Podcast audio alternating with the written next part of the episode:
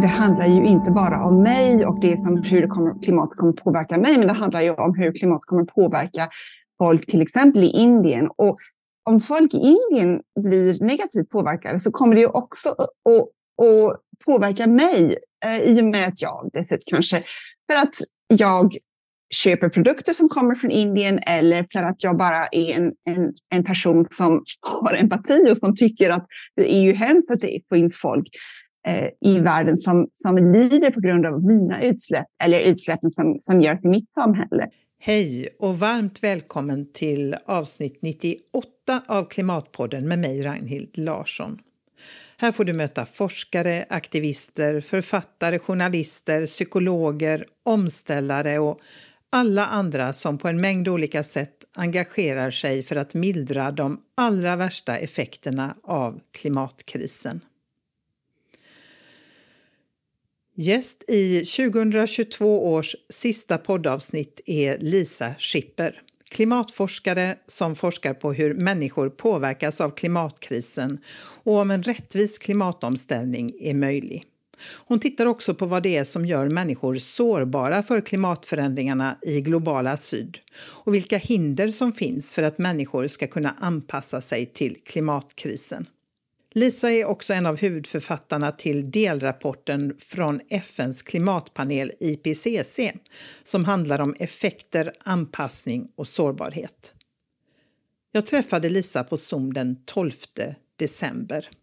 Vi pratade bland annat om hennes intryck från det senaste COP-mötet, COP27, FNs internationella klimatmöte i Sharm el-Sheikh och de viktigaste slutsatserna i den senaste IPCC-rapporten. Och om hur vi måste anpassa oss till en allt varmare värld och om exempel på dåliga anpassningar och hur felaktiga insatser kan göra mer skada än nytta, vilket innebär slöseri med tid och pengar samtidigt som de lämnar människor lika eller ännu mer utsatta än innan. Du som brukar lyssna vet ju att Klimatpodden är helt reklamfri. Och om du vill stötta arbetet med att göra Klimatpodden och se till att den fortsätter komma ut så går det väldigt bra att sätta in en valfri summa på Klimatpoddens eget Swishkonto. 123 396 2974. Och ett stort varmt tack till alla er som har valt att stötta podden sen sist. Ett annat jättebra sätt att stötta podden är förstås att tipsa alla du känner om att lyssna. Släkt, vänner, bekanta, kollegor, grannar, barn och föräldrar. Och hör gärna av dig med synpunkter och förslag på gäster till kommande avsnitt. Till sist vill jag önska er alla ett gott nytt år. Och det bästa nyårslöftet av alla är givetvis att engagera sig tillsammans med andra för att förhindra klimatkrisens allra värsta effekter och att skapa den helt nödvändiga förändringen för allt levande på vår planet. Och nu är det dags att köra igång årets allra sista avsnitt med Lisa Schipper. Varsågoda. Eh, välkommen till Klimatpodden, Lisa Schipper. Tack så mycket. Vem är du? Vem är jag? är en forskare. Jag håller på att jobba med eh, klimatfrågor, klimatforskning, om, speciellt i eh, och, samband med utveckling. Så att jag tittar mycket på varför folk är sårbara, vad, hur man kan göra för att anpassa sig till klimatförändringarna och detta då eh, framför allt i globala syden, så att jag tittar på utvecklingsländer. Mm. Och jag, sitter, jag ska snart börja jobba på universitetet i Bonn. Och jag har varit de sista fem åren på universitetet i Oxford i England. Och du har även en svensk anknytning du, eh, på något sätt eftersom du pratar väldigt bra svenska. Så. Ja, jag är ju, min, min mamma var svensk. Ja. Eh, ja, min pappa var amerikan så jag har bott en hel del i Sverige. Jag har ett hus i Sverige också. Ja, trevligt. Eh, jag tänkte börja med att fråga dig, vad var det som fick dig att bli engagerad i klimatfrågorna? Det började väl egentligen framför allt för att min pappa jobbade med energifrågor. Så när jag var liten så var det väldigt mycket diskussion om att spara energi och tänka lite på hur vi, när vi skulle ta bilen någonstans, att vi skulle fundera på att inte korsa tvärs och kors liksom, och köra genom hela stan, utan man liksom, hade man ärenden på ett ställe så gjorde man dem en dag och sen om man skulle till andra sidan av stan så skulle man ta de ärendena en annan dag. Så att man samlade och inte använde så mycket bensin. Och det var väl egentligen inte miljötänk då så mycket som att man skulle spara på energin. Och liksom, min pappa blev väldigt engagerad på 70-talet när det var energikris. Eh, jag började på 70-talet och sen i mitten på 70-talet föddes jag och då eh, så var det väldigt mycket tanke på liksom att man skulle spara och att man skulle tänka på att ja, inte använda mer än man behövde. Så jag hade ju den tanken alltid. Och sen, sen efter ett tag så utvecklades det väl mer att tänka lite mer på att ja, men det här handlar egentligen om miljön och eh, att man ska vara försiktig och, och, och, ta hand om miljön också. Inte bara energi då, utan allting som är i miljön. Och jag började direkt på universitetet och läsa om klimat och klimatförändring. Och, eh, ja, så det har jag hållit på med sedan dess. Jag har liksom fastnat i det eftersom det är en jättestor fråga. Och nu är det ju någonting som många håller på med, men då var det inte riktigt så vanligt fortfarande på 90-talet. Början på 90-talet började jag läsa på universitetet och då fick man ju fortfarande förklara varje gång vad det handlade om. Climate change, vad är det för någonting? Det var ju många som inte tyckte att det här var viktigt. Ja, det är ju många saker som man hör nu igen som kommer upp. Eh, att olika saker, att det, inte, att det inte finns och så vidare. Men, men eh, det var ju väldigt många som tänkte på det sättet då. Mm. Nu är det ju tack och lov inte alls lika många. Nej, nej. Men eh, alltså, när gick det upp för dig hur eh, allvarligt läget är? Jo, men det var nog redan direkt när jag började läsa. Eh, så det var ju början på 90-talet. Det var, det var ju då man började förstå lite om Eh, jag menar, hur snabbt olika arter höll på att bli utrotade och hur förorening, just förorening tror jag var något vi pratade väldigt mycket om, luftförorening, förorening i vattnet, men också framför allt sådana här utsläpp som man har Eh, eh, pratat väldigt mycket om i eh, olika giftiga substanser som fabriker släppte ut. Och då pratar vi mycket om olika sådana katastrofer som Bhopal och så vidare, där, där det släpptes massa kemikalier eh, och en massa människor dog. Just det, Bhopal i Indien. Mm. Ja. 84 var det tror jag. kanske. Mm. Så sådana grejer, eh, det var väl just att jag tänkte att människor Ja, jag hade väl inte riktigt förstått att människor kunde göra så mycket, skapa så mycket eh, problem och, och ha sån, sån påverkan på miljön. Eh, så, men, så det, på något sätt så var det kanske det den värsta, värsta perioden för mig, för det var liksom så här, och jag satt ju med andra som också eh, pluggade miljö, uh, miljövetenskap och vi blev väldigt upprörda. Vi kunde ju såklart göra så att vi, vi liksom blev ännu mer upprörda och bara prata med varandra om det. Sen dess har jag väl bara accepterat att det är så, men det betyder inte att jag tycker att det ska vara så. Eh, så jag har försökt aktivt att kämpa mot det. Och det är därför som jag har lagt hela min, min forsknings, min karriär på det här. Liksom. Det är, ja, det är det, du, det är det du ägnar dig åt. Ja, precis. Ja. Eh, du, eh, du var ju med på COP27 här i Sharm el-Sheikh. Berätta om dina intryck därifrån jag, jag har ju varit med på många sådana här möten. Jag började, mitt första COP var COP 5. Eh, och, eh, så jag, jag har väl sett hur det utvecklats under tiden då att det blivit, det kom ju, det var, COP 5 var ju ingen, det var i Bonn, hölls på ett hotell som man inte ens skulle kunna få plats med en delegation på nu. Det är ju liksom verkligen eh, eh pyttelitet var det. Och nu är det ju en enorm grej med nästan 40 000 tror jag som var på sista, de två sista mötena. Så att, jag menar, jag tyckte att COP27 på sätt och vis har det blivit det är ju en konferens, eller det är två konferenser i ett. Det är en konferens där man faktiskt förhandlar om det som står i Parisavtalet och sådana grejer. Sen är det den andra konferensen som jag egentligen framförallt var med på, eh, där det är en massa events och, och eh, paviljonger där olika presenterar sina projekt och presenterar forskning. Och alla, ja, och då är det ju olika länder som har projekt och sen är det också olika eh, forskningsgrupper eller NGOer och så vidare. Så eh, det, det är spännande att se att det har blivit så stort bara för att det är så många som är intresserade och har sån kunskap. Samtidigt så är det ju onödigt. Det var ju alldeles för mycket folk. Man tänker på de här som ska sitta och förhandla, att de liksom också måste komma igenom samma säkerhetskontroll och samma varje dag och står där och köa för att få någonting att äta och så vidare och att de då inte kan komma fram till sina förhandlingsrum. Och här står vi alla i vägen, liksom, om man säger. Um, det kändes väl ändå um, det känns som det har blivit för stort. Mm. Men jag tror att det är många som har samma, det är många som tycker det.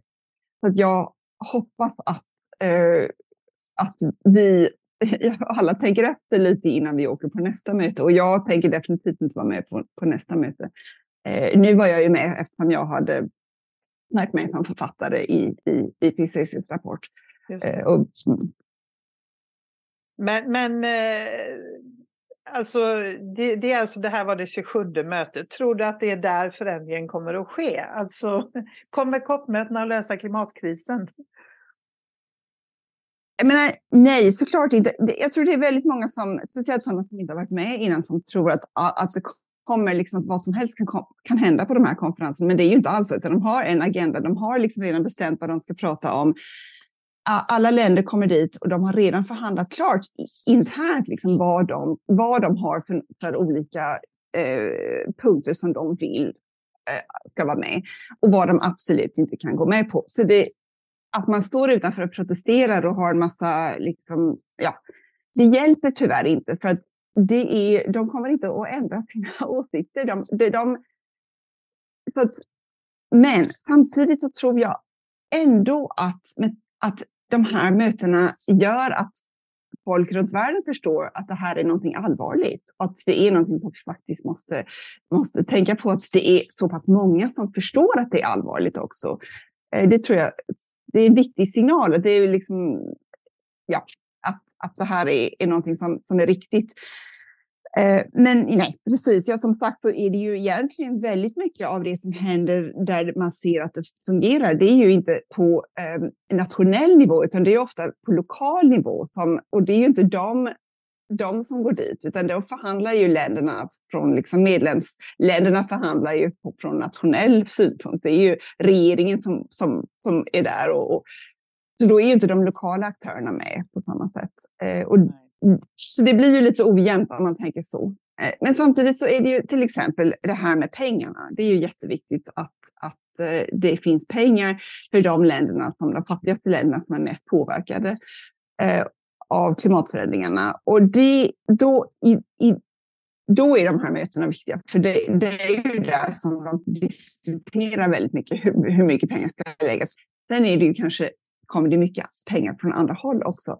Men, men det är någonting med den här symboliken, den här FN-processen som handlar egentligen på något sätt handlar den ändå om rättvisa, även om man kanske inte tycker det att riktigt är riktigt rättvis rättvisa.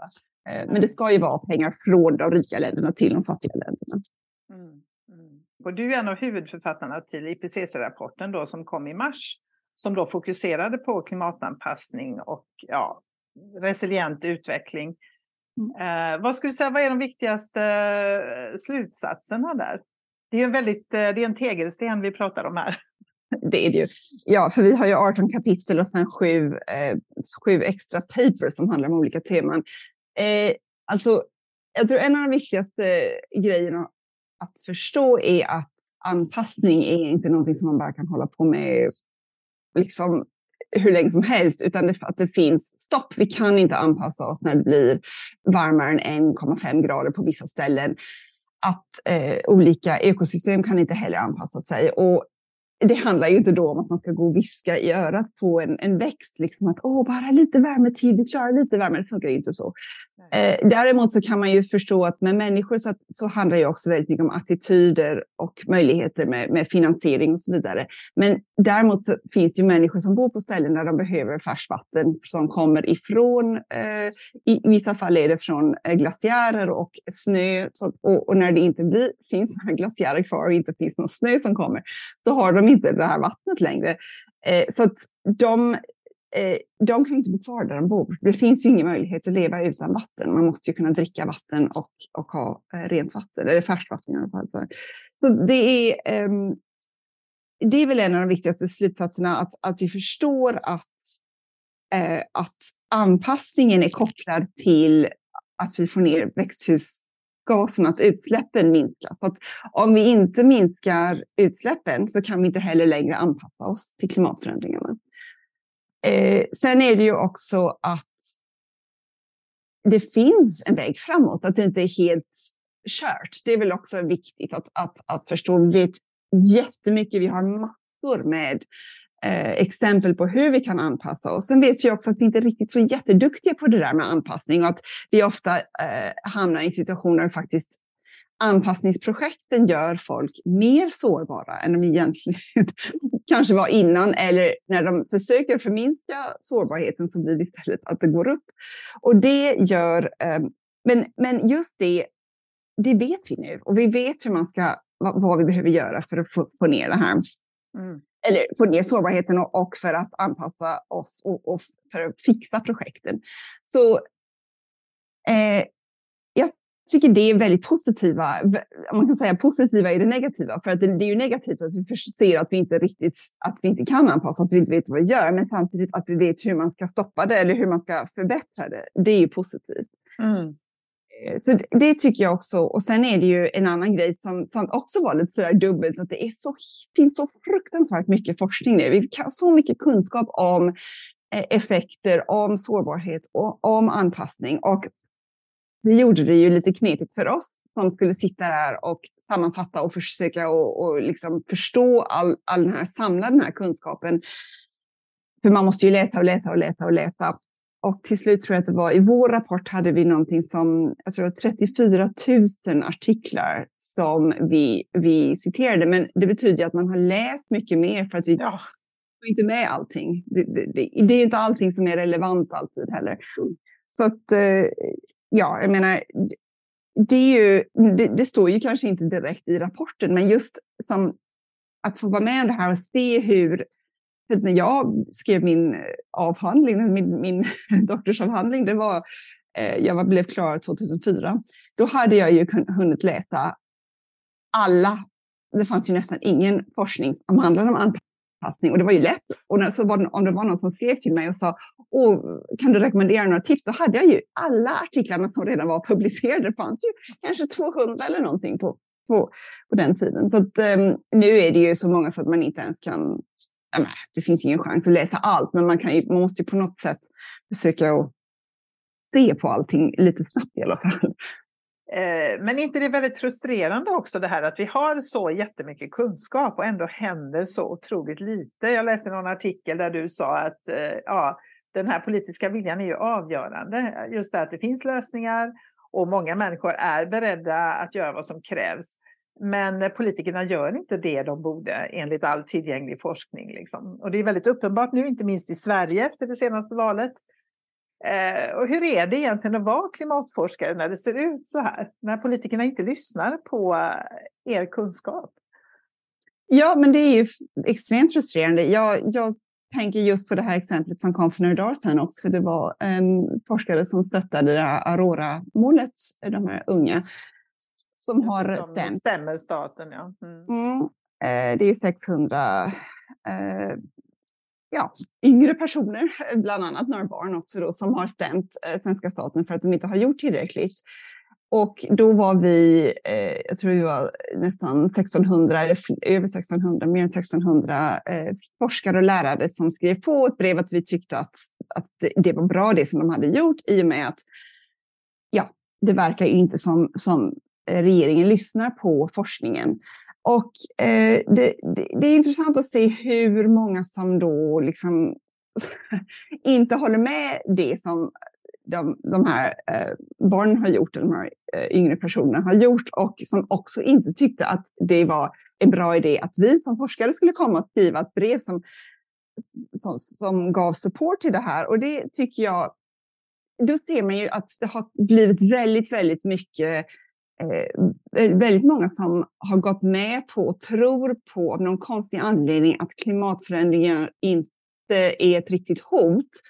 Och att det på något sätt är någon typ av, jag vet inte, att det ska vara någon typ av, av um, skämt. Och eh, ja, det gör mig ju naturligtvis jätteupprörd för att jag menar, sitter man och jobbar med det här, det är ju eh, vetenskapligt bevisat. Det, är ju bevisat, och det är inte bara den sista IPCC-rapporten, det var ju också redan eh, femte eh, rapporten som kom 2014, eh, innan dess, fjärde rapporten som kom eh, 2010, 11, mm, ja, nu blir jag förvirrad här nu. Ja, 2011, 10, 9. I alla fall några år innan dess. Jag menar, varenda rapport har ju bevisat att klimatet förändras. Det är ju inte någonting som är, som är eh, nytt. Det är ju bara att vi har mer och mer och mer, och mer bevis nu och vi kan verkligen säga helt tydligt och klart att det här händer. Mm. Eh, så ja, jag märker ju det själv att jag blir ju jag menar, man har suttit och jobbat på den här rapporten i tre år och sen släpps den. Och sen nu hade vi ju lite otur i och med att kriget i Ukraina kom exakt samtidigt och det var ju det som alla eh, nyhetssändningar fokuserade på. Nu är det ju lite kopplat, men ändå, det, det är en annan sak. Men, och sen kom eh, tredje arbetsgruppens rapport bara några veckor efter oss och de hade ju också samma problem att det var fortfarande krig i Ukraina. Men då blir man ju väldigt, ja man blir nästan lite sådär desperat att hallå, det här har vi ju, liksom, det här är jätteviktig, livsviktig information för alla på hela planeten. Mm. Och sen verkar det som det inte ens spelar någon roll. Jag menar, nu har de ju i England så sa de ju eh, förra veckan att de skulle öppna en ny, eh, ny, ny eh, kolmina i eh, ja. någonstans. Jag menar, då har de inte heller förstått. Vad, jag menar, det, det, är ju precis det, exakt det som vi inte ska göra. Ja. Så man blir ju, jag känner att jag sitter hela tiden och behöver, behöver um, försvara vetenskapen och hela tiden försöker att förklara vad det är.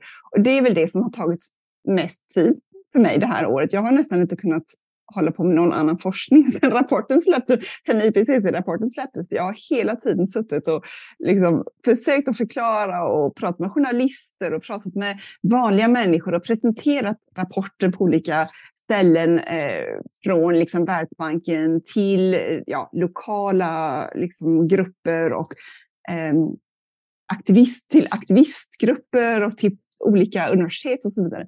Så att, um, det känns ju nästan som man nästan måste göra det för att, för att försöka, det finns ju liksom bara för att försöka få ut det här meddelandet att det här, här finns vetenskap, lyssna på det här.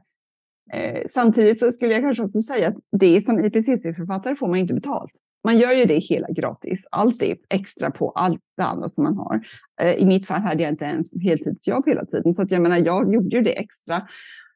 Och sen sitter jag och gör alla de här extra presentationerna och så vidare. Då får man inte heller betalt. Jag menar, det är väldigt sällan som man får någonting. Kanske att man får någon hundra euros eller någonting, men det är ju ändå men det, det, är ju inte, det har jag fått en gång i år. så att jag menar, det, det, är ju, jag tror, eh, jag känner att jag börjar bli lite så här, uh, ja, jag ska inte säga pessimistisk, men jag känner också så desperation att jag måste, på något sätt måste vi nå fram till beslutstagarna och, och, och resten egentligen, alla, alla som röstar på, på politiker som inte lyssnar. Att man måste liksom få folk att det här kräver vi och därför så måste politikerna också lyssna på vetenskapen. Mm. Men hur, eh, alltså, vad, vad, hur kommer det sig att det är så här? Jag menar, vi har vetat det här i decennier. Varför det här starka motståndet mot att göra någonting? Alltså, det är väldigt konstigt att det plötsligt har blivit en eh, höger-vänster-fråga nästan också. Med tanke på att det handlar på något sätt om eh, liksom, fakta, naturvetenskap. Eh, vi värmer upp jorden, vi vet att det är vi, vi som gör det och det är skadligt. Liksom. Det, är inte, det är inte hjärnkirurgi. Liksom. Nej, jag tror, ja, alltså det var ju inte någon sån superpolitisk fråga i början egentligen och då var det ju också, hade det varit mycket enklare att göra någonting åt det. För att då hade vi inte sådana extremt, då hade vi inte nått, vi hade inte gått över, nu har vi redan nästan kommit på 1,2 graders eh, uppvärmning eh, om man jämför med då för många år sedan. Och nu är det ju självklart ganska desperat. Vi är ju så nära det här 1,5 graders eh, nivån som vi pratar om. Eh, jag skulle kanske säga också om det att det här 1,5 det är ju inte något magiskt nummer utan det är bara att vi har sagt att när, när vi når 1,5 så vet vi att, att det kommer bli jätte, jättesvårt på många ställen att, eh, att ekosystem kommer att ha problem, som jag sa tidigare, att det blir väldigt många eh, Liksom, vi, vi når en viss gräns för anpassningsmöjligheter och så vidare. Eh, så att eh, det blir såklart, och när vi fortsätter att gå över så kommer det ju komma nya problem. Eh, och när vi går mot två eller om vi har otur om vi går mot tre. Och det blir ju allvarligare och allvarligare eh, desto varmare det blir.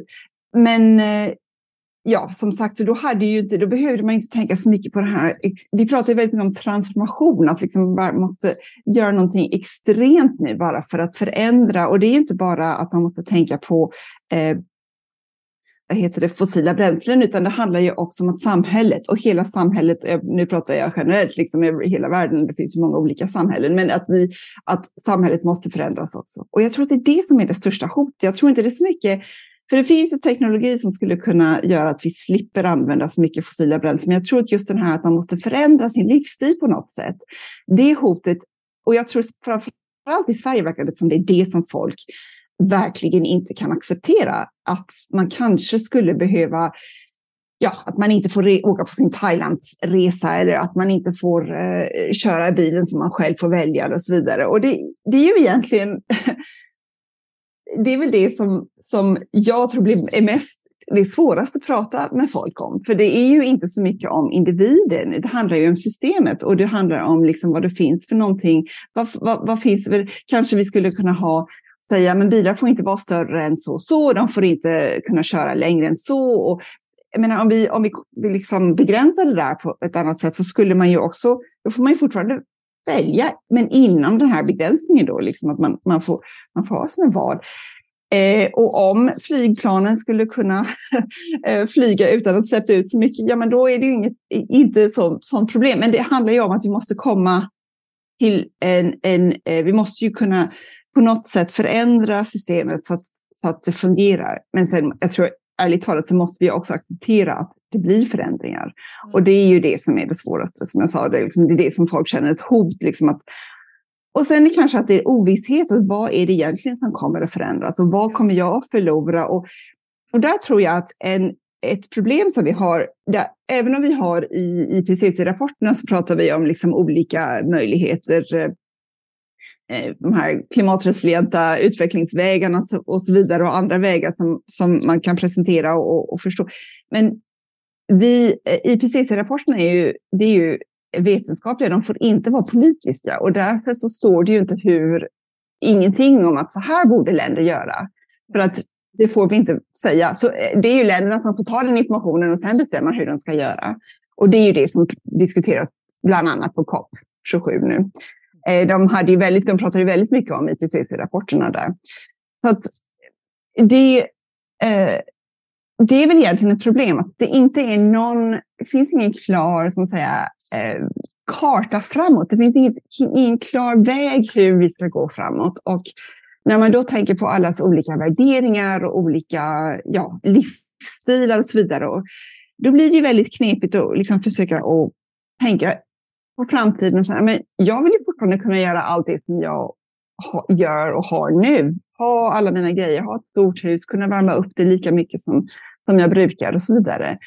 Eh, om, det, om det inte är helt klart hur, hur det här kommer att förändras, då kommer ju folk verkligen liksom, de vill inte ha någon förändring då. Mm. Eh, så jag tror det är det här att det behövs ändå vara någon typ av eh, mer, eh, ja någon typ av, ja, typ av, hur säga, någon typ av eh, kanske ett förslag på hur vi kan gå framåt utan så att folk kanske begriper lite mer vilken typ av förändring som förväntas. Mm. Eh. Nej, men jag tror också det. Alltså det, det. Det krävs ju både, tänker jag, berättelser om, om eh, vad väntar om vi inte gör någonting. För det tror jag också vi har väldigt olika bilder av. Eh, till liksom berättelser om hur kan det se hur vart vill vi idag? Hur vill vi att det ska se ut i en förändrad värld liksom, där vi har anpassat oss? Eh, för det är inte så att ibland låter det som att vi kan välja. När det där med klimatkris låter lite tråkigt så att eh, jag väljer att inte ta in den informationen som om att vi kunde liksom som om att vi inte skulle påverkas. Men jag tänker det är också ett pedagogiskt problem när vi bor i Sverige speciellt där vi ja, nu är det vinter här till exempel. Nej, men det är ganska svårt att se klimatförändringarna. Det är svårt att, vi är inte jättemånga som har känt in på kroppen vad det innebär. Alltså det har varit varmare sommaren 2018, ja då var det skogsägarna, deras skogar brann. Eh, det var bönder som fick nödslakta sina djur, men i övrigt lever du ett stadsliv.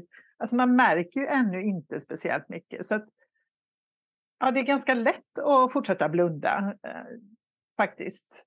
Ja, absolut. Och sen, jag tror en annan sak som jag ändå applåderar väldigt mycket, det är att vi äntligen har fått upp ögonen för rättvisa och klimaträttvisa och tänker riktigt på att liksom det här, det är väldigt annorlunda på olika ställen runt jorden och att man, man inte upplever klimatförändringarna på samma sätt. Att för vissa är det här ett liksom Verkligen. Livs, livshotande, en livshotande förändring.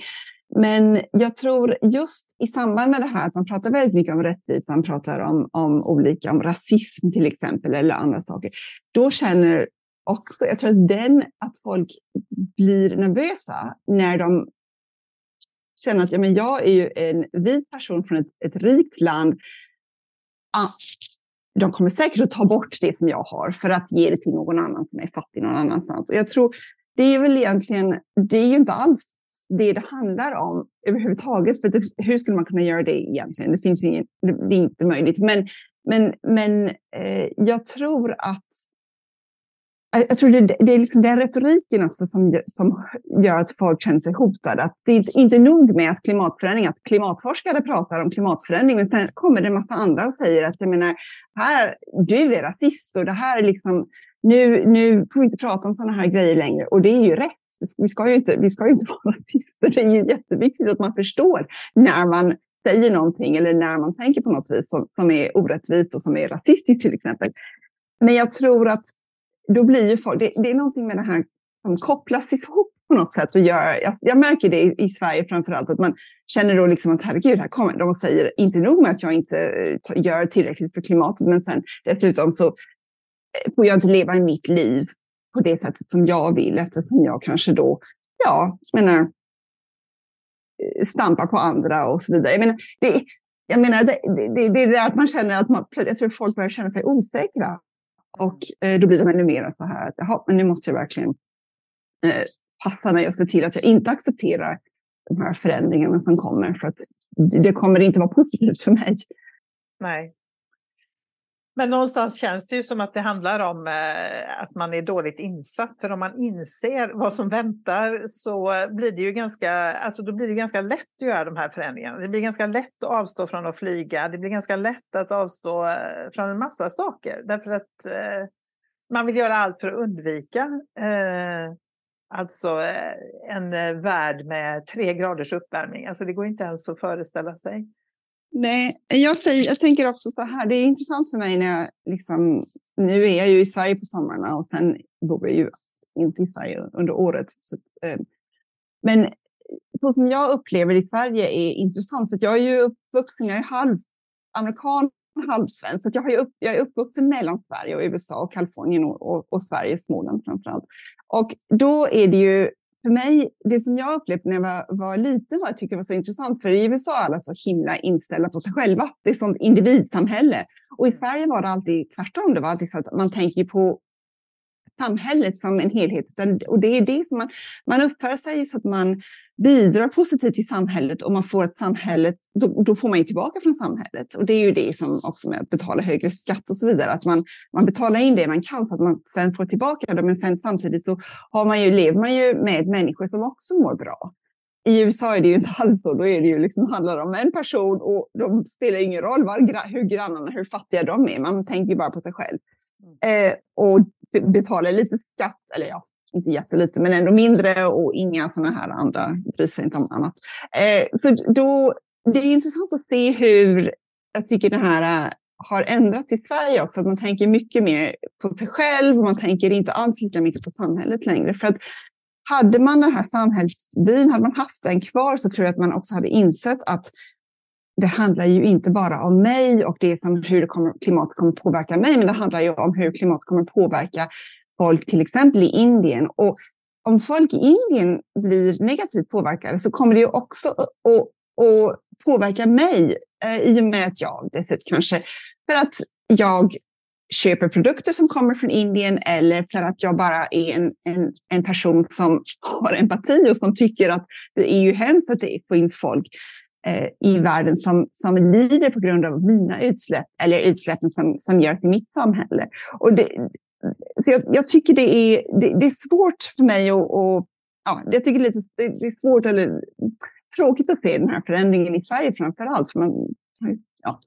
Men eh, jag tror också att när man tyvärr så är det nu har vi ju väldigt lite tid kvar innan det verkligen blir kris och det är ju det som är problemet för att egentligen så, så är det ju det att man måste uppleva klimatförändringen för att verkligen förstå vad det är. Och till exempel, det är ju många runt världen som har gjort det. Och det hade ju egentligen i Sverige den sommaren som du sa, när det var så jättevarmt. Och jag menar, det var ju i juli och träden var ju redan gula och löven blåste ju överallt. Men kändes ju som det var eh, världen och så var det så varmt och vi kunde inte sova. Det fanns inga fläktar att köpa och jag menar så där. Det, det skulle ju egentligen hända varje sommar så att folk verkligen förstår att det här är allvarligt. Ja. Man kan inte plantera sina tomater längre. Jag menar, det går inte. Det är den här liksom, romantiska sommaren. Nej, det, det, det är, finns inte kvar det. Eh, för att det är ju så för väldigt många runt eh, världen. Och om Sverige fortsätter att leva så som vi lever så kommer det ju också påverka oss. Det är ju inte så att Sverige kan vara isolerat. Nej, nej. det går inte att stänga gränserna för klimatförändringarna. Precis. Det är ju så. Vad, du har ju forskat jättemycket på det här med anpassning. Jag menar det här att vi förutom att sänka våra koldioxidutsläpp, vilket vi givetvis måste, så är det ju också så att vi faktiskt måste anpassa oss till en allt varmare värld. Den kommer ju vare sig vi vill eller inte. Eh, på vilka sätt skulle du säga att anpassning pågår idag? Mm. Anpassning är ju precis, det är ju framförallt något, ett begrepp som kommer ifrån eh, från biologin. Vi tänker på djur som arter som, som alltså också växter som fick anpassa sig, som anpassa sig. Det brukar ju ta väldigt lång tid. Det är till exempel att de blir mörkare och mörkare. Eller vi har ju anpassat oss och till exempel våra tänder är ju inte likadana som tänderna var på de människorna som levde för länge sedan. Vi behöver ju inte äta rått kött direkt med våra tänder och därför så har vi inte lika vassa tänder till exempel. Men den typen av anpassning är det är ju inte, vi har inte tid med att vänta så länge och det är ju en anpassning som bara händer. Liksom, det är inte, inte någonting som vi kan bestämma att nej, nu ska vi ändra våra tänder. Då får vi bara, det, det händer ju naturligt.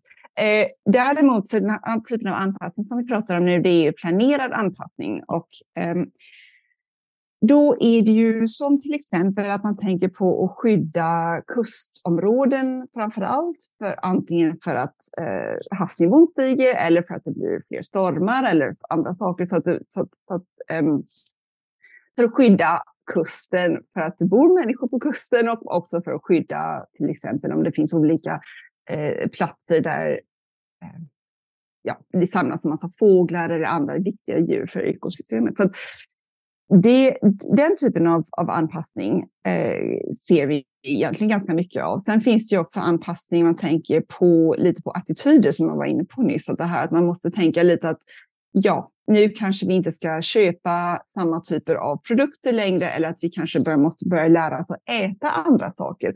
Och det skulle ju kunna vara, det, det är väl egentligen ett exempel, det är väl det enda exemplet som jag tycker man verkligen kan prata om från Bangladesh. Där var en, en Eh, NGO som heter Care eh, International som jobbade där och, och förstod att varje gång, för Bangladesh är ju väldigt känt för att det blir väldigt mycket översvämningar, och varje gång det blev översvämning så dog alla hönsen. Och de försökte lista ut, men hur ska de, för de kunde inte rädda alla djuren när det, när det blir högt vatten. Så då, så, eh, då tänkte den här NGO, men då kanske vi ska byta ut höns mot, eh, mot anker. För att anker kan ju simma när det, när det är mycket vatten.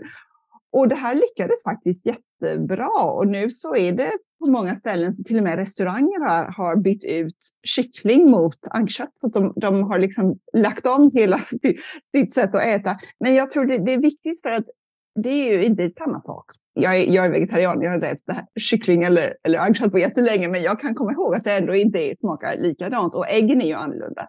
Så det måste man ju anpassa sig på det sättet också. Man måste ju kunna acceptera att äta någonting som inte är likadant.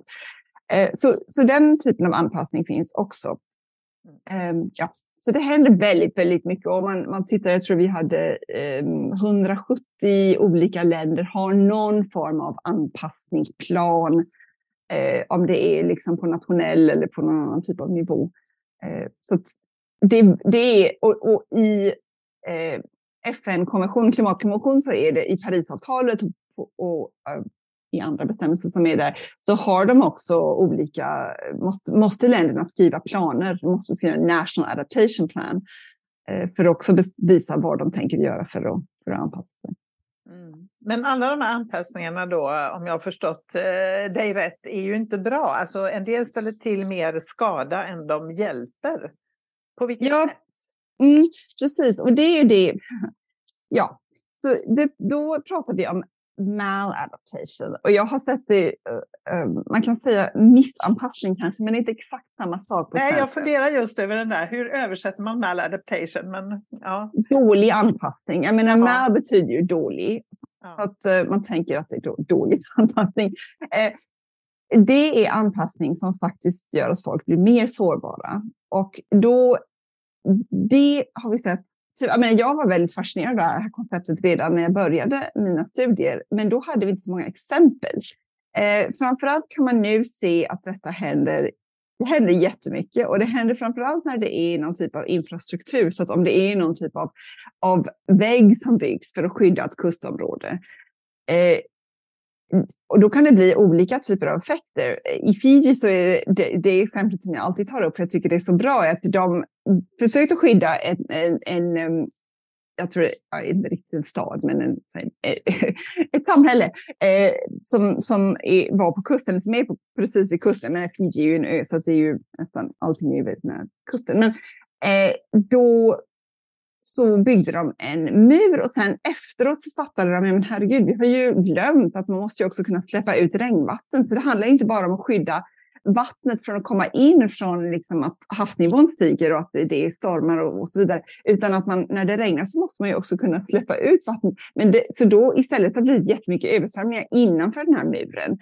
Och det blir ju jätteproblem. Så att det, det är ett, ett, exempel av när man inte tänker igenom. Men men det handlar inte bara om ingenjörsfel utan, eller liksom dåliga kalkyler, utan det handlar också ofta om att man inte pratar med den lokala befolkningen. Så projekten planeras och, och eh, planeras långt bort ifrån det stället där de faktiskt sen kommer att um, vara. Så då väldigt sällan så engagerar man de lokala människorna som faktiskt ska anpassa sig för att fråga vad vill ni egentligen och hur, vad har ni för andra behov och Mm, ja, vad, vad prioriterar ni? Eh, och då har vi sett alldeles för många gånger hur det här då blir att Ja, att de säger men nu här ska vi ha den här typen av projekt, men det är inte alls det som människorna vill ha. Eller att det då projektet, till exempel om det är ett jordbruksprojekt, där de säger men vi kan bara, tyvärr kan vi bara ha med sådana som faktiskt äger sin mark och då måste ni bevisa för oss. Och då är det till exempel i många länder så att det är bara män som får höga eh, mark eh, och kvinnor inte får det. Och då blir det ju så att männen får vara med i de här projekten. Men kvinnorna får inte vara med och då kanske de redan är de mest utsatta eller de mest sårbara i samhället. Så då blir de ju bara mer sårbara eftersom de inte får, får, får eh, vara med i det här projektet. Så, um, men som jag sa, jag tror att fördelen är att vi förstår det här ganska bra nu. Vi har så himla många exempel på det, så att vi, vi vet ungefär vad som gör att det händer. Att man inte, att man inte pratar med den lokala befolkningen till exempel. Mm. Men också en grej som, som är lite jobbig är att de här projekten är oftast att de kommer ifrån till exempel pengar som kommer från FN och så går de till någon, någon internationell eh, organisation. Och den internationella organisationen vill ju inte ofta säga att ah, här har vi gjort fel.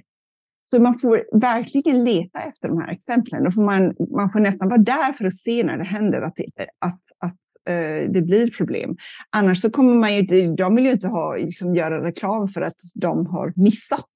Nej, det är inget de skyltar med. Nej, nej. nej precis. Nej. Men vad, vad, kan man göra då? Hur kan man, för ni har ju också tittat på vad man kan göra för att projekten faktiskt inte ska, eller de här anpassningarna inte ska bli så misslyckade. Ja, Jo, men det är ju det här att man ska, man ska se till att projektet designas med lokala befolkningen så att man förstår vad det är för sårbarhet som finns på plats. Så att man förstår vem, vilka aktörer har mest makt, vilka aktörer får aldrig bestämma, vilka aktörer kommer kanske hamna utanför här på grund av det här projektet. Eh, och den dynamiken är ju inte något som man kan flyga in och vara en vecka på ett ställe och sen liksom förstå, utan då måste man ju prata länge med de lokala eh, människorna för att förstå vad det är som händer. De, de, de ser ju vad som händer. Eh, så det handlar ju om att lyssna och lära. Så det är ju egentligen det största som man kan göra, det viktigaste. Och det, är ju, det förstår också de här eh, olika biståndsorganisationerna, eh, förstår detta. Vi skrev ett det här pappret som kom ut av forskningen var ju, det var ju väldigt många, Sida, Norad, eh, FCDO, det är ju i England eller Storbritannien, um, GIZ, GIZ i Tyskland till exempel. De, vill ju, de visste ju, de vet ju att det här händer och de vill ju bara förstå hur de ska kunna undvika hur de skulle, ska kunna förbättra eh, projekten. Så att det, ja, det, vi, kan, vi kan göra någonting åt det där. Eh, problemet är ju att tiden är så knapp som jag sa. Men vi har ju verkligen inte mycket tid på oss. Vi måste ju liksom verkligen eh, trappa upp eh, takten här för att kunna få eh, för, för, att se till att vi inte kom, kommer över 1,5 eller längre. Och då är det ju liksom anpassningen är ju superviktig också nu. Eh, men om vi inte gör det rätt, ja, då spelar det ingen roll. Då kan man ju, det är ju bortkastade pengar framför allt. Det är väl det, men det är också så att folk kan bli mer sårbara och så pass sårbara att de aldrig egentligen kan anpassa sig igen. Nej. Och måste helt flytta eller ja. Men de här eh, dåliga anpassningarna, sker de bara i, eh, i utvecklingsländer i globala syd? Nej, inte alls. Man har massor med sådana exempel också i, eh, ja, i Europa, i USA såklart. Men det är väl egentligen det att eftersom det här väldigt ofta handlar om, eh, i, i globala syn så är det ju sådana här eh, det biståndspengar. Och då är det lite mer koll på vad som händer, för att det är ju ändå skattepengar som man vill ha, se vad har vi gjort här med de här pengarna.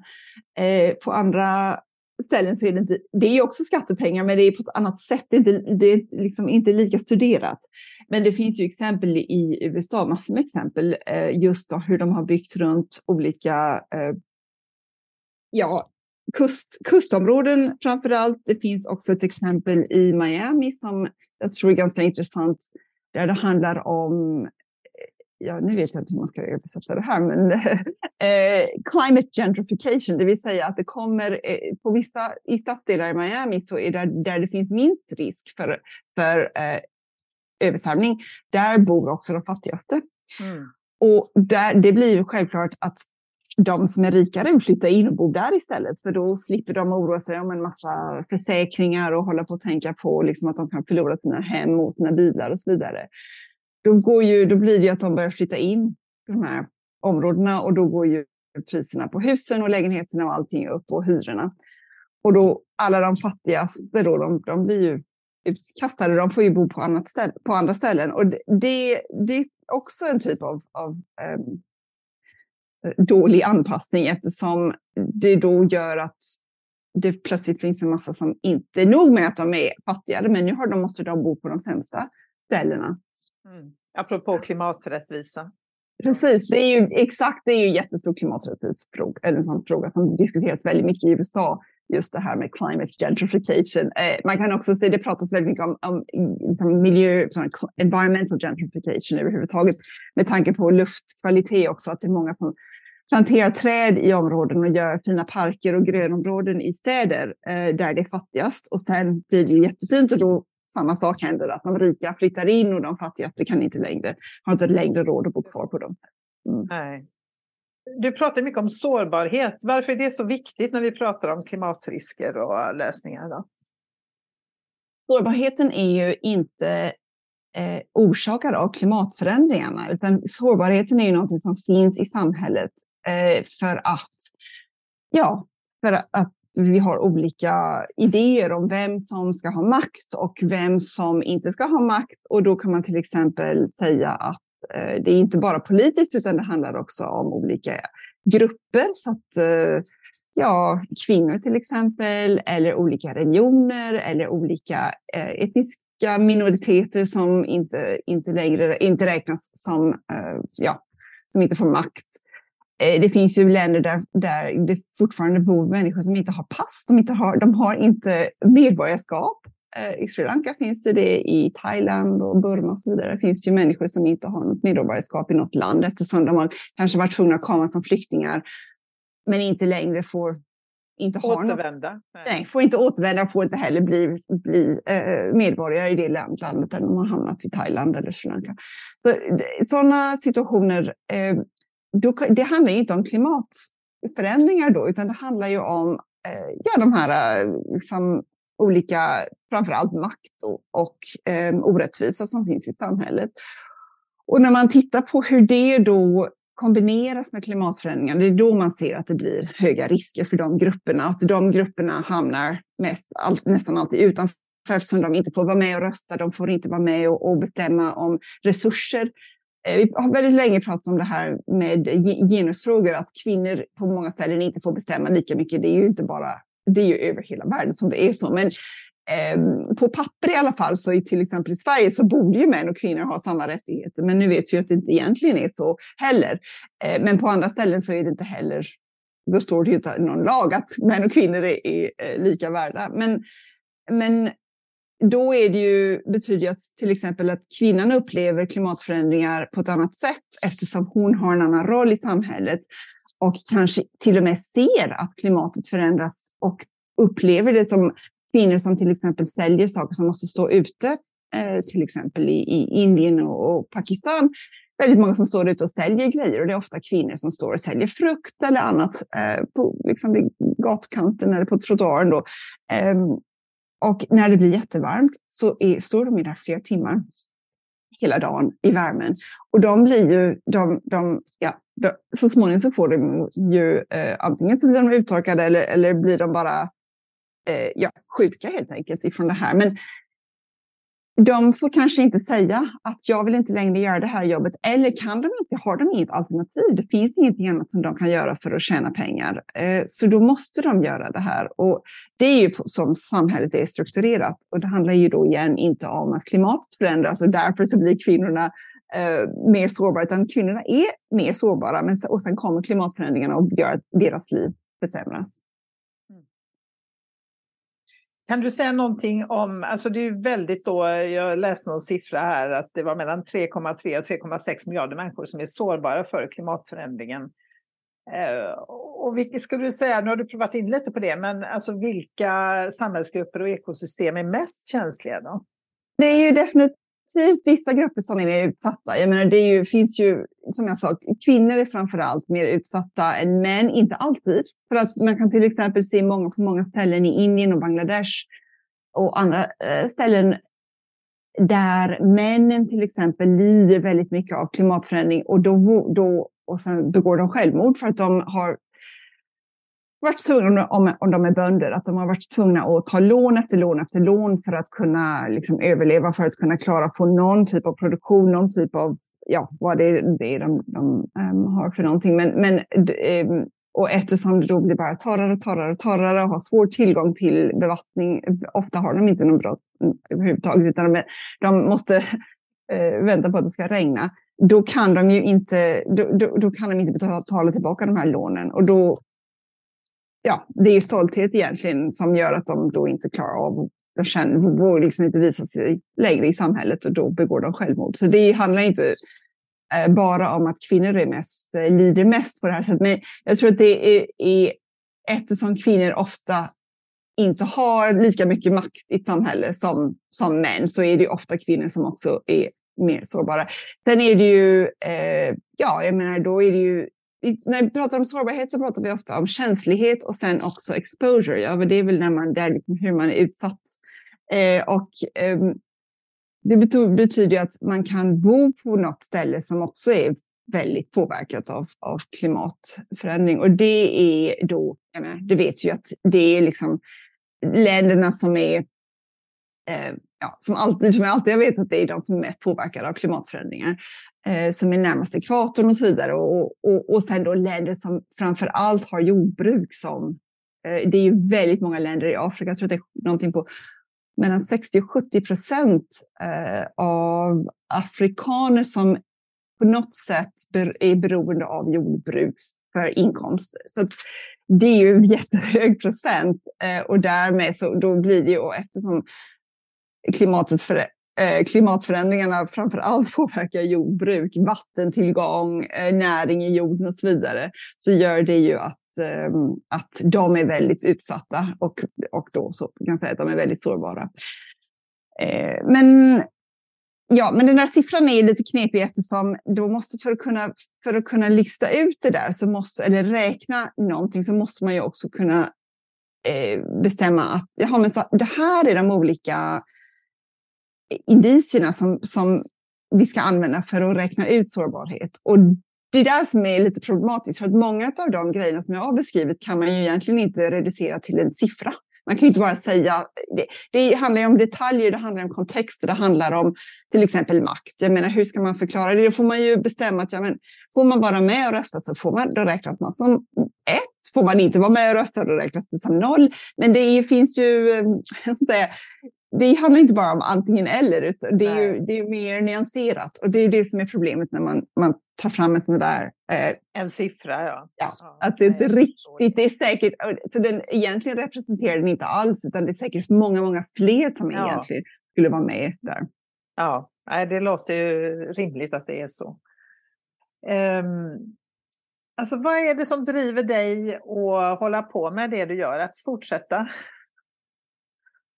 Eh, alltså klimatet kommer fortsätta förändras och vi vet ju att vi inte kan anpassa oss så bra än. Så det är väl det att jag måste, jag känner att jag, jag kan ju ganska mycket om anpassning. Jag borde väl vara med för att kunna se till att hjälpa vad jag kan och, och försöka och, och prata eh, om det och försöka och, ja, hjälpa till. Men dessutom då eftersom jag undervisar så är det ju att undervisa och, och liksom dela min kunskap med nästa generation som förhoppningsvis också kommer komma på ännu bättre lösningar.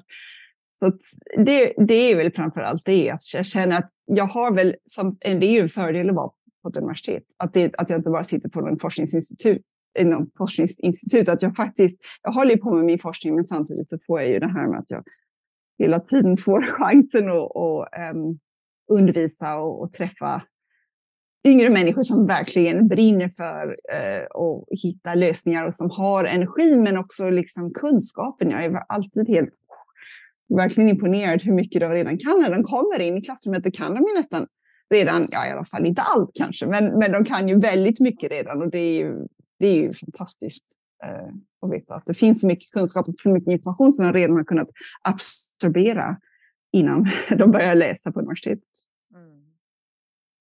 Eh, du pratade innan vi satte igång inspelningen här så pratade du lite om att som forskare och din roll som forskare och att, eh, ja nu kommer jag inte ihåg exakt hur du sa, men det här med att eh, du funderar, det finns till exempel forskare som blir klimataktivister och som börjar, det finns Scientist Rebellion till exempel som gör civil olydnad för klimatet.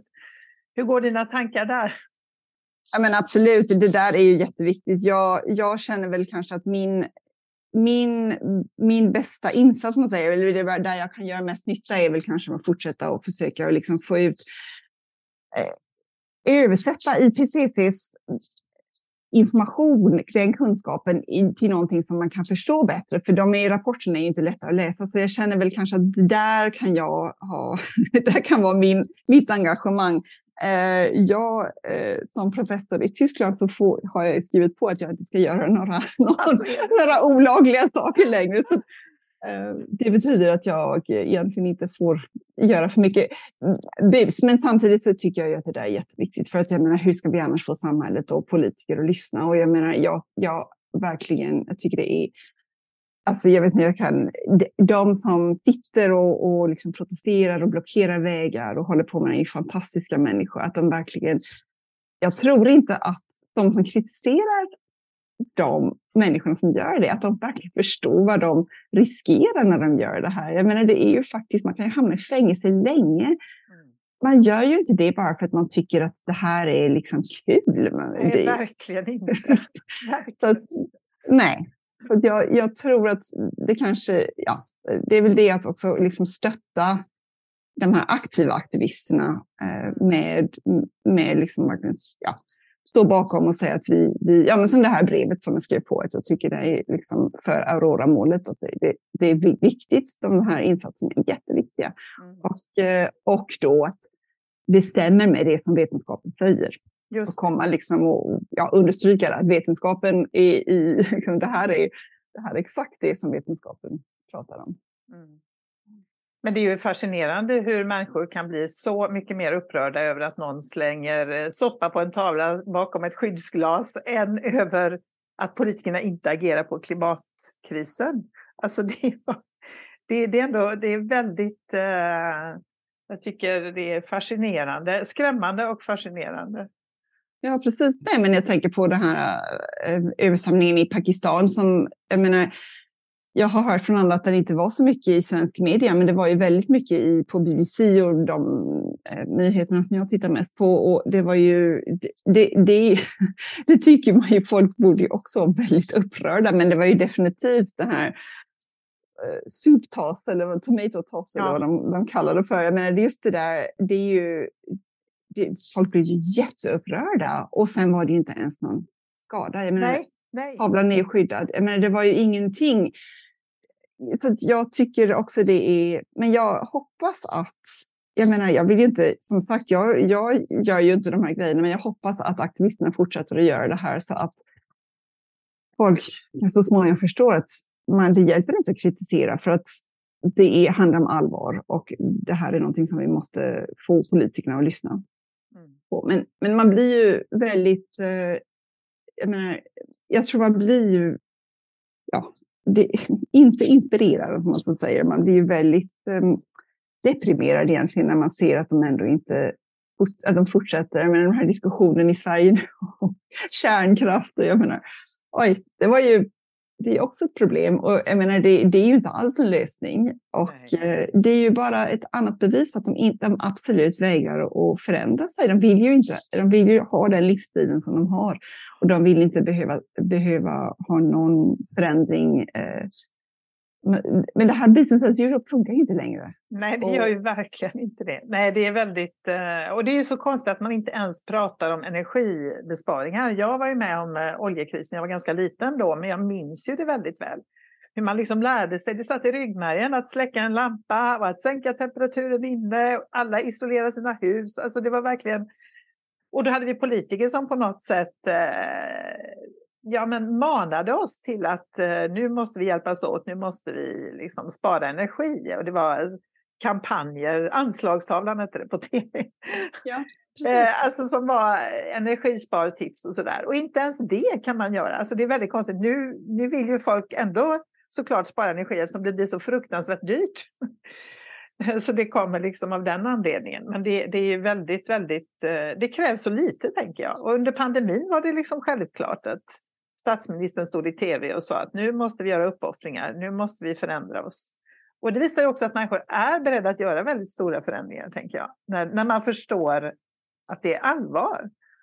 Ja, för jag tror att vi upplevde det som en temporär, liksom, en temporär uppoffring och det var, man, det var ju solidaritet. Jag tror aldrig jag upplevt en, en global solidaritet innan. Det var ju fantastiskt att känna liksom att alla verkligen kanske brydde sig om varandra, ett tag i alla fall. Sen blev det ju liksom protester och annat.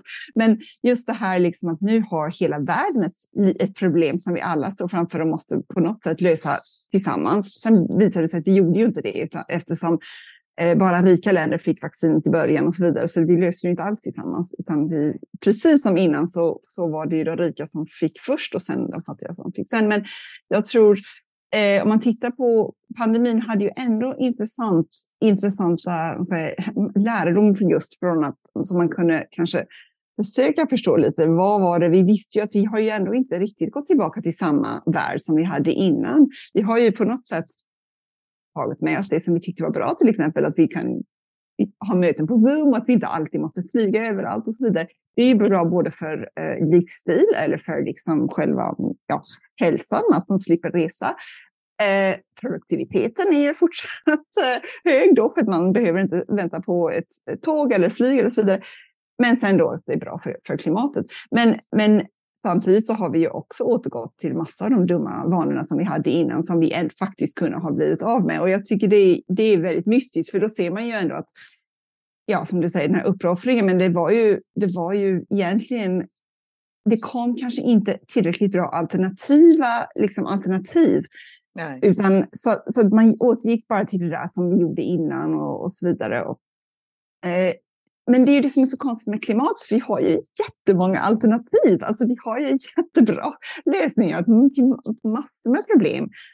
Och sen används de inte. Och det känns för mig väldigt svårt att förstå varför det är så. Men jag skulle också säga det här med energisparing. Jag tycker det är, jag som sa, jag menar, min pappa jobbade med energi och eh, så jag jobbar, jag är också, vi var ju väldigt försiktiga. Han hade ju också sådana här stora apparater som mätte energiförbruket eh, på kylskåpet och alla möjliga apparater som vi hade hemma. Och när vi var i Sverige under sommaren så, så brukade han alltid hålla koll på dem. Eh, det brukade vara några studenter, doktorander som bodde hos oss och som bodde i huset och då brukade han ofta hålla koll och säga men vem har använt mest energi och vilket land kommer de ifrån och så vidare och ställer in varma saker i kylskåpet så att det kräver att vi måste kyla ner grejerna mer och så vidare. Jag lärde mig ju om det där väldigt tidigt så jag blir också lite förbluffad eh, när jag hör folk som inte kan alla de här väldigt, väldigt självklara grejerna som att släcka till exempel eller att tänka lite på vad man har för typ av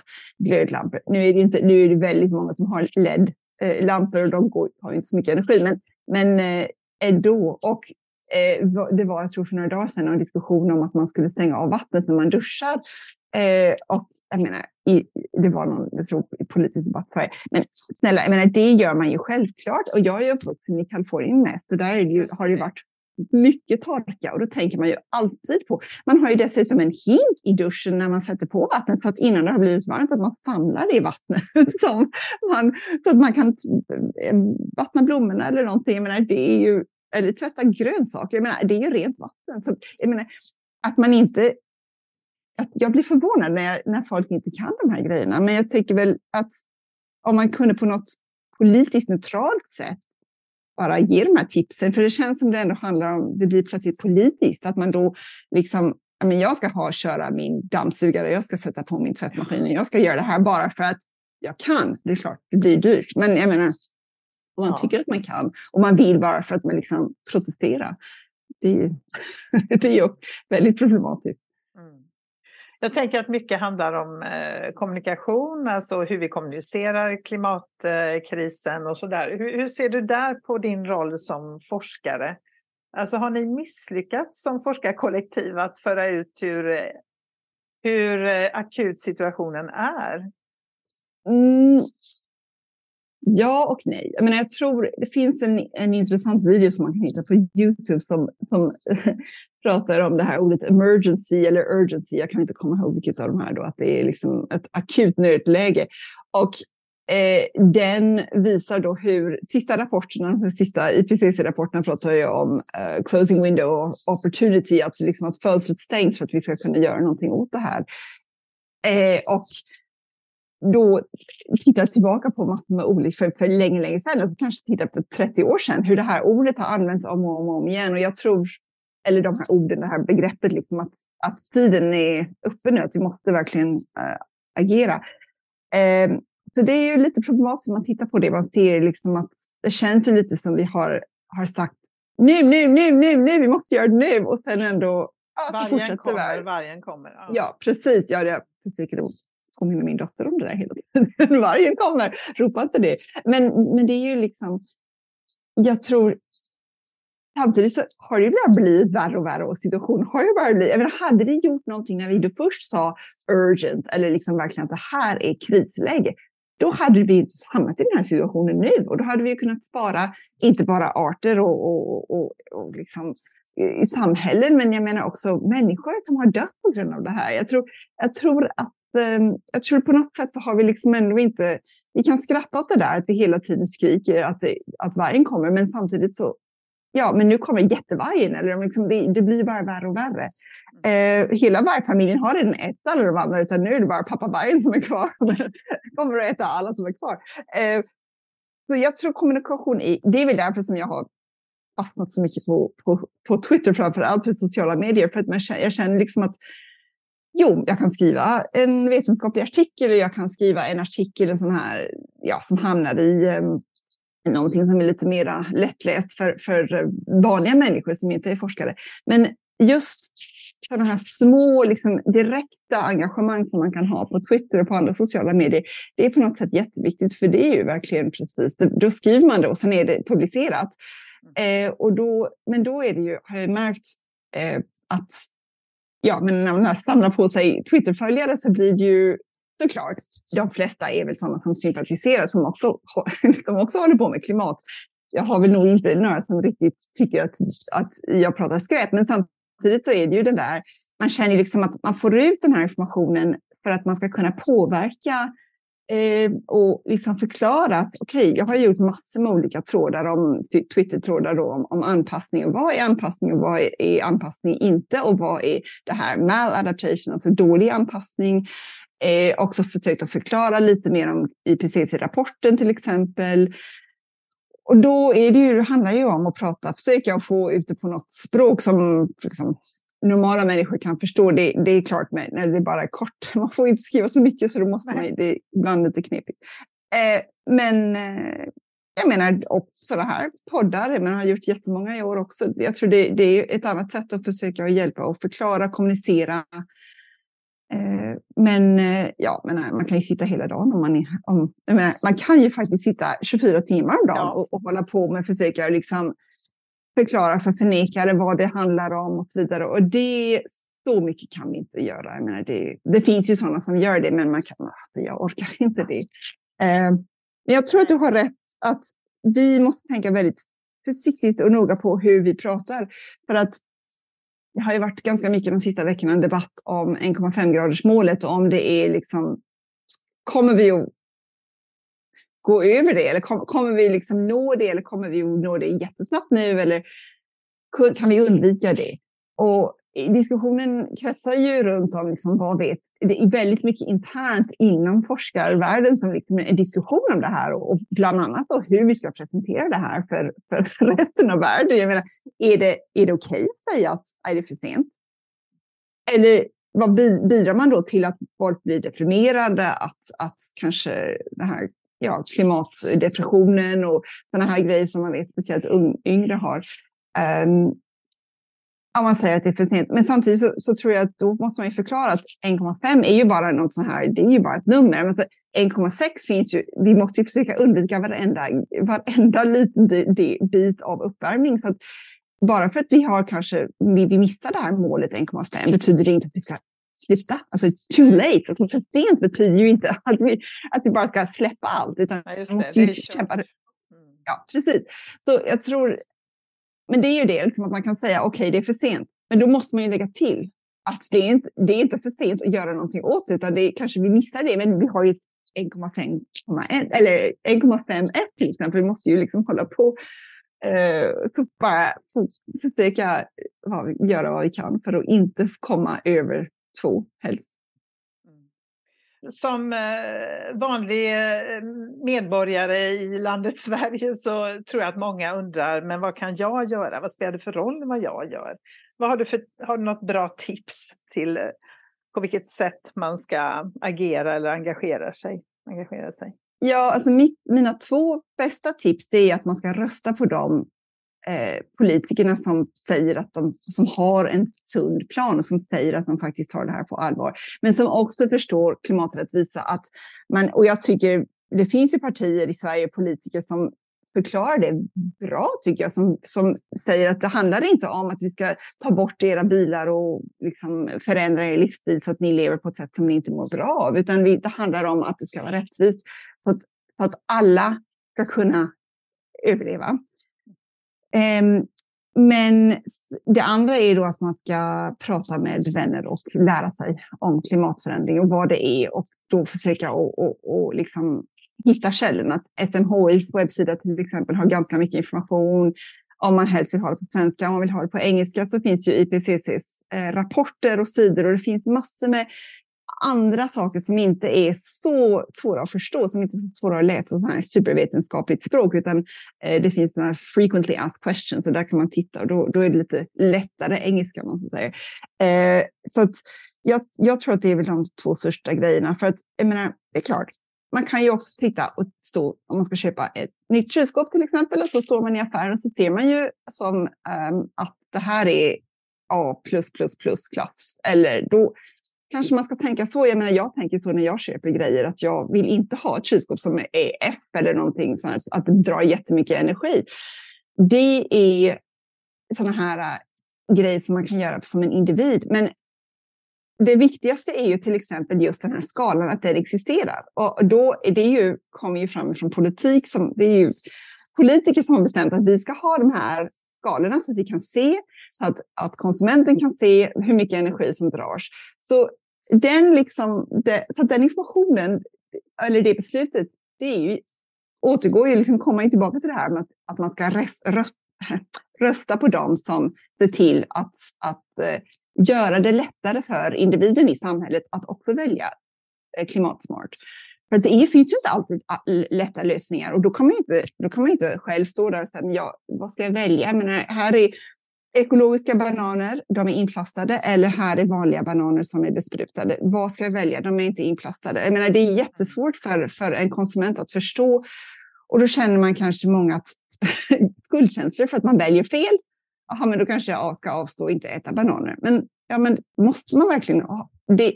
Alltså den här, det tycker jag är, är det är um, liksom beslutstagarnas ansvar att se till att konsumenten vet vad de ska välja och har, har den informationen så att de också kan göra rätt val så att man mår bra av det och att man inte bara säger att jag ska skippa bananer och smoothies och allt som jag älskar till exempel. Så, eh, jag menar, så det, jag, jag, tycker det är viktigt att man inte lägger för mycket press på individen också för att jag tror det, det, är, det är omöjligt. Vi kan inte förändra systemet som en individ kan inte utan det måste komma också ifrån de som, de som driver politiken. Ja, och jag ska lägga till det här att engagera sig tillsammans med andra, för det tycker jag både när jag pratar för mig själv och andra jag har mött som har suttit med den här klimatångesten helt ensamma och äh, agera på individplanet. Men att träffa andra som man agerar tillsammans med, det ger också mycket kraft och energi. Liksom. Och, att, och att jag tänker också att vi har ju väldigt mycket vi har ju mer makt än vi kanske tror. Jag menar eh, att trycka på politikerna och så. För det är väldigt få förändringar i historien som har kommit uppifrån. Där någon plötsligt har sagt, nej men nu tror jag att vi ger kvinnorna lite rösträtt här. alltså, det fanns ändå en hård kamp. Nej, precis. Absolut. Ja, men det är jätteviktigt att lägga till det. För att jag känner också själv som som klimatforskare så har jag också stöd av mina, jag har ju mina eh, kollegor som jag jobbar med, bland annat mina IPCC-kollegor. Jag menar, vi, skulle, vi har ju fortfarande en, en WhatsApp-grupp som vi skriver till varandra ibland när vi känner panik. Liksom att vad är det som händer i världen och så vidare. Varför lyssnar ingen på rapporten? Och, så jag tror man behöver det där stödet och, eh, ja, och tillsammans så är man ju mer kreativ alltså, många, många kreativa människor tillsammans gör ju att, att eh, lösningar hittas lättare tror jag också. Så det, mm. det är jätteviktigt. Eh, vad ska du göra nu resten av dagen? I resten av dagen ska jag, jag ska eh, skriva några grejer för att försöka få forskningspengar för ett projekt som jag är intresserad av som handlar om eh, ja, klimatförändring och prata med studenter. Eh, ja, sånt som man gör när man är, forskar på ett universitet. Det är, det är sådana grejer. Ja. Stort, stort tack Lisa för att du var gäst i Klimatpodden. Tack så jättemycket.